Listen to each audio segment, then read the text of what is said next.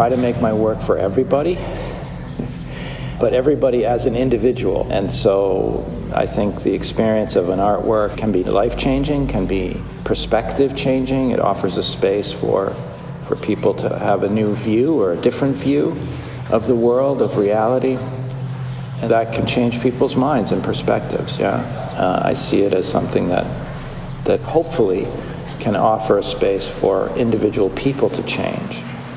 Because people are the ones that will change material reality, will change society, will change public policy, and so forth.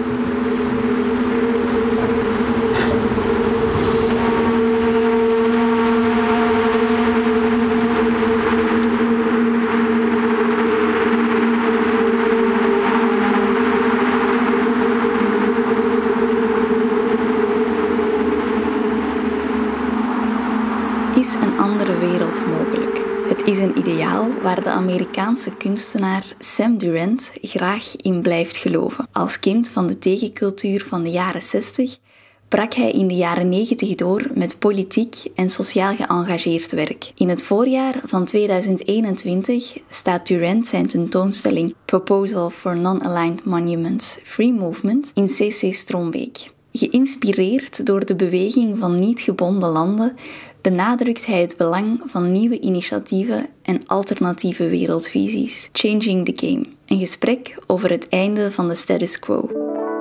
Welkom.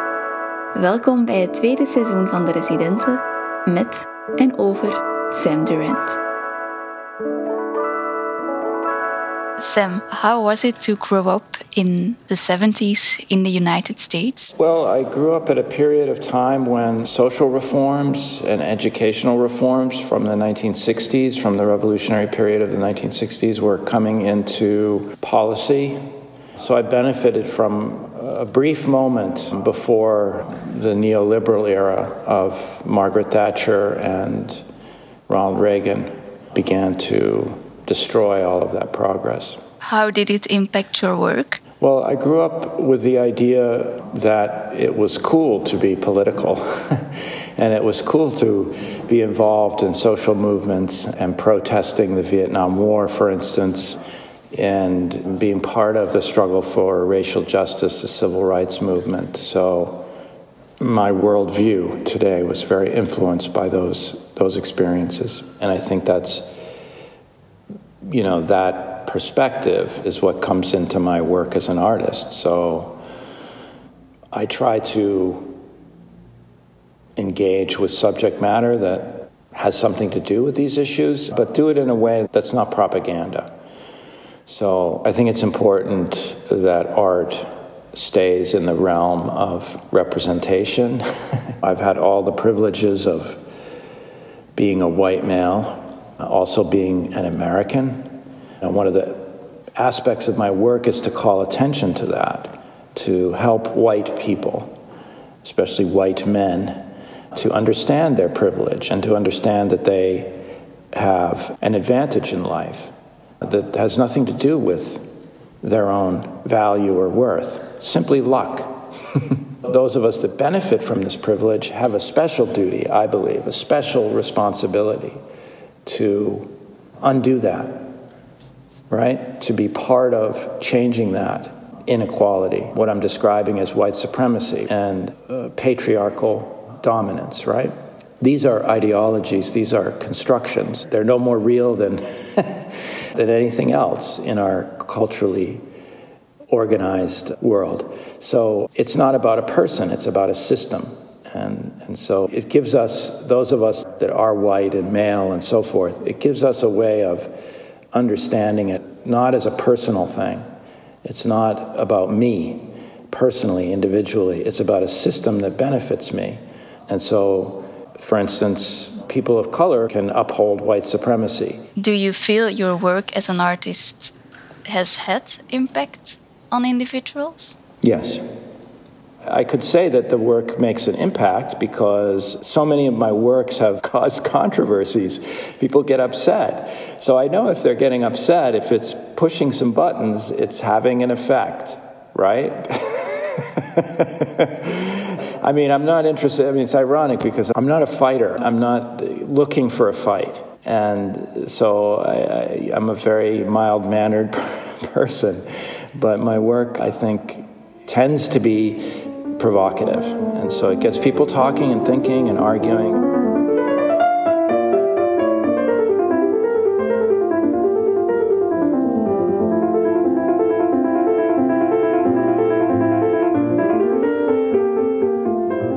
Can you tell us more about the scaffold controversy? I had produced a work for, I believe it was Documenta 13, called Scaffold, which was an architecturally scaled sort of combination or assemblage of gallows, which are the scaffold structures that used to execute people from across American history. So basically, picking six historically important structures from significant executions in US history and putting them all together into this sort of wild kind of construction that you could walk up on and walk around on, get a view of the park it was installed at Documenta. And then there was some information once you got up onto the platform about what it was and where these structures came from and the historical context. So it was then shown in two other places in Europe after Documenta. Then it was purchased by the Walker Art Center in Minneapolis, Minnesota with the idea that they would install it in their sculpture garden, which they were rebuilding. In 2017, the sculpture was nearly completed. It was built up, but the garden hadn't opened yet, and there was no information available to the public. And one of the structures, one of the scaffolds, as part of the overall thing, was a reproduction of a execution where 38 Dakota Native Americans were executed in 1863. It's the largest mass execution in U.S. history. And that happened just down the road from Minneapolis. So many of the descendants of those uh, men who were killed on that platform lived in Minneapolis and they saw that structure and recognized it. And so they were very upset because they didn't know why it was there. They thought that it was like a monument to their genocide. Well, they just didn't know what it was, but it was very hurtful and traumatic for them to see the structure, the symbol of their genocide, basically, right? So they started protesting. And the museum was completely unprepared to deal with this for whatever reason, I, I, don't really know. They did not connect with the Dakota community before the structure was gone up. They had no idea what to do once this protest erupted. And then um, the Dakota group that was protesting the sculpture set up a mediation between the Walker Art Center and a group of elders and I went to that mediation, and during that time, they talked about what their experience was of the sculpture, how traumatic it was. It just brought up so many terrible issues for them about their history, and, and really also about the situation that they find themselves in today, which is Native Americans find themselves always at the bottom of every social indicator incredible poverty and uh, health problems, mental illness, alcoholism, everything you can imagine that you don't want to be experiencing is what the Native American community experiences in America. It's an ongoing genocide. And so this was a reminder of that for them. This was a situation where the museum completely failed in their responsibility. When a museum buys a work, and puts it on view, it's their responsibility to prepare the community for it. I mean, it's not only a moral and ethical responsibility, it's a legal responsibility. It's the reason why a museum, for instance, is, is supported by public money. Not only did they create an incredible, uh, terrible experience for their community, the Dakota community, they put me in a situation which was, you know, not a situation an artist should be in.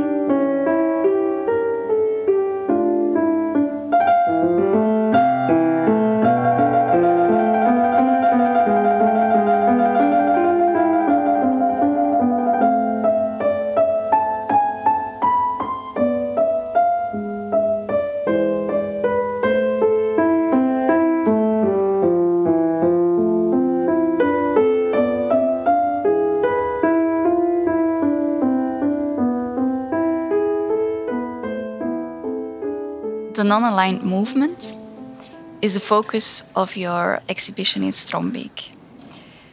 I guess a lot of people don't know what the non aligned movement is. Could you elaborate a little bit on it? It was a political and economic movement that began in the mid 1950s, coming out of the end of World War II and the beginning of the Cold War and the sort of dividing of the world into bipolar alliances. So, Western Europe and the United States, Great Britain, kind of democratic capitalist alignment, and the communist countries of the Soviet Union and so forth, and their influences as a third way.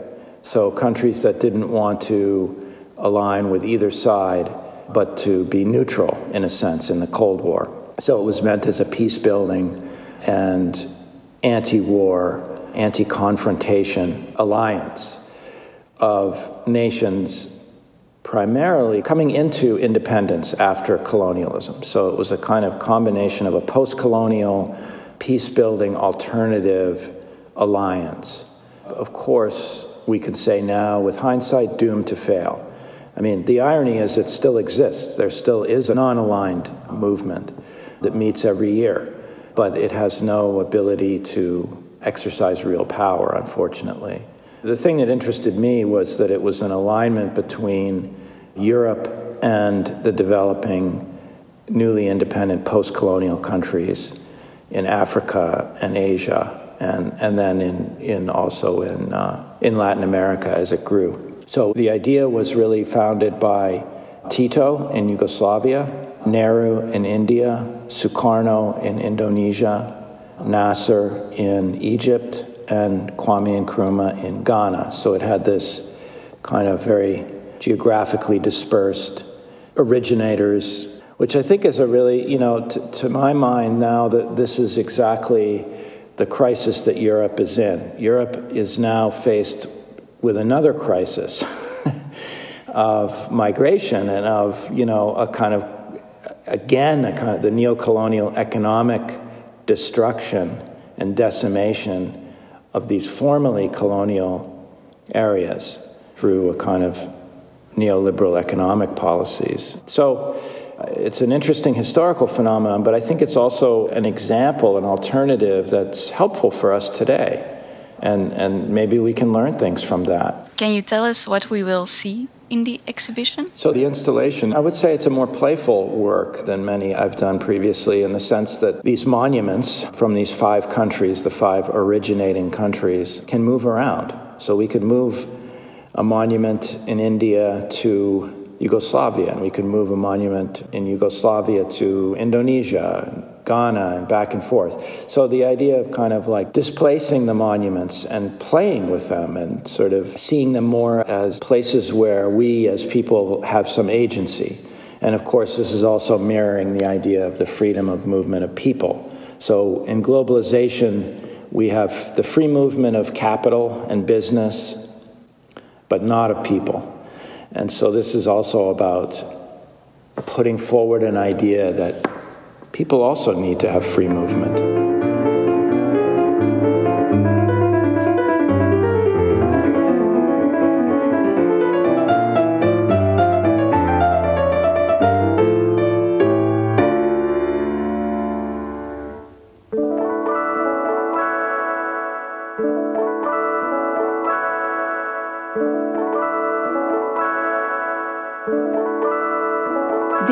Eerste aflevering van het tweede seizoen van De Residenten. Over een maand spreken we met actrice Rebecca Leenaerts. Samen kijken we naar de impact die Buto op haar leven had en hoe ze deze Japanse bewegingsleer nu gebruikt om haar performance Still a Bird vorm te geven. Dit was De Residenten, met dank aan Sam Durant. Deze podcast werd geproduceerd door CC Strombeek. In de residenten spreken we met artiesten die een thuis maakten van het CC door er werk te tonen of werk te maken.